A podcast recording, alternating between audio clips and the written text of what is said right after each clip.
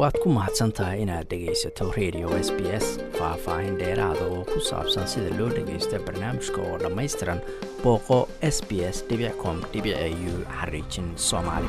Frederick william declerk wuxuu ahaa madaxweynihii hore ee koonfur africa wuxuuna ahaa ninkii ugu dambeeyay oo cadaan ah oo dalkaasi hogaamiya waxaana uu geeriyooday isagoo siddeetan iyo shan jira mr decler ayaa door weyn ka soo qaatay in south africa ay u gudubto dimuqraadiyad isagoo xilka uu kala wareegay madaxweyne nelson mandela oo xorriyaddiisa uu mr decler mas'uul ka ahaa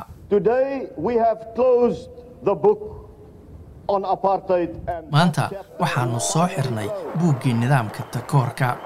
Jabtarkii u dambeeyey ayaana ugu dambayntii soo xirnay ayuu yidhi dadka qaar wuxuu u ahaa nin isbeddel keenay.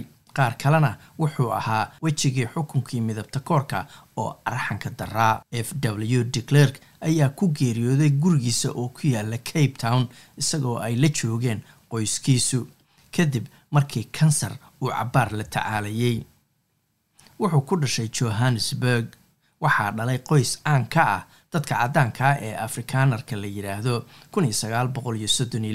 waxaana adduunka oo dhan lagu ammaanay doorkii uu ka qaatay in la soo afjaro midabta koorkii dalkaasi iyo sii dayntii nelson mandela oo ahaa hogaamiyihii ururka african national congress oo xirnaa muddo labaatan iyo toddoba sano ah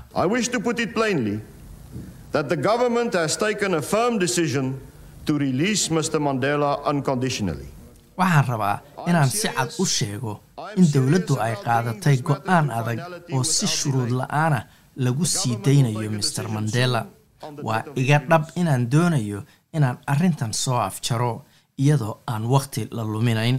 Dowladdu go'aan ayay dhowaan qaadanaysaa oo ku aadan wakhtiga la sii daynayo mandela afar sano kadibna master mandela ayaa loo doortay inuu noqdo madaxweynihii ugu horreeyey oo madow ah oo koonfur africa ay yeelato. Wakhtigaas ayaa labadooda waa mandela iyo declerka waxaa la siiyey biladda nabadda ee nobel peace priceka loo yaqaano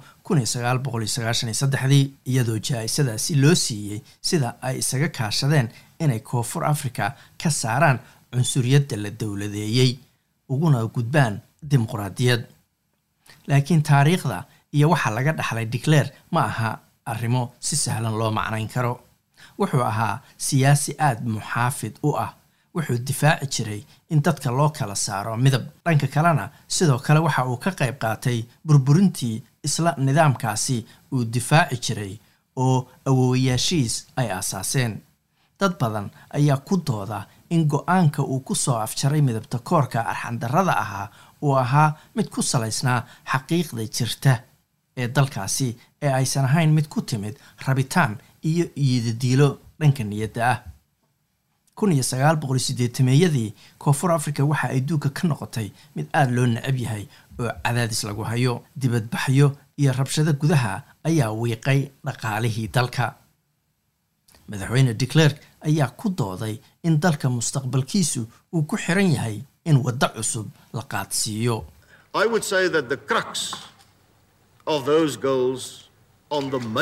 Waxaan odhan lahaa xudunta arrimaha waaweyn sida isbeddelka ama horumarinta dastuurka waa waxa aanu doonayno inaannu ku dhisno koonfur afrikada cusub.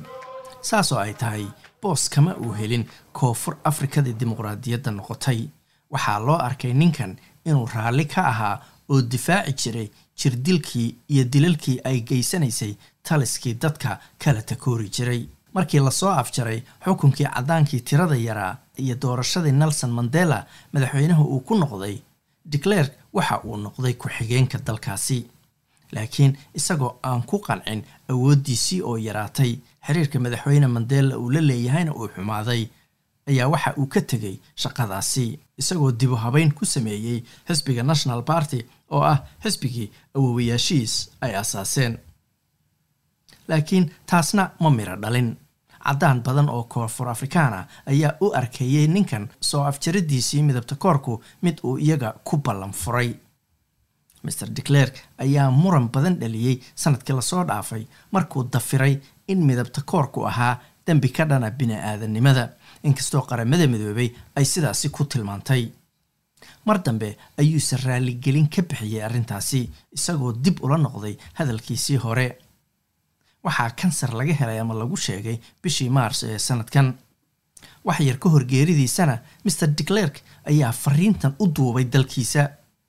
Fariintan oo la sii daayay geeridiisii kadib ayaa waxaa ka mid ah inuu raaligelin ka bixiyey xanuunkii iyo dhaawacyadii iyo dhibaatadii ay dhalisay taliskii midab kala soocu. This is my last message addressed to the people of South Africa. I tani waa khudbadaydii u dambeysay oo aan u jeedinayo shacabka koonfur afrika. Waxaan si shuruud la'aan ah raaligelin uga bixinayaa xanuunkii dhaawicii iyo sharaf dhicii uu midab kala soocu u geystay dadka madowga ah kuwa midabka bunniga ama brownka loo yaqaano iyo hindida koonfur afrika. Taasi ayaa ahayd raaligelin aan la filayn laakiin dadka qaarkood waa mid soo daahday. F w declerk waxa uu ka tegay xaaskiisa elita labadiisa carruurta suusan iyo jan iyo dhowr caruura oo ay caruurtiisu dhaleen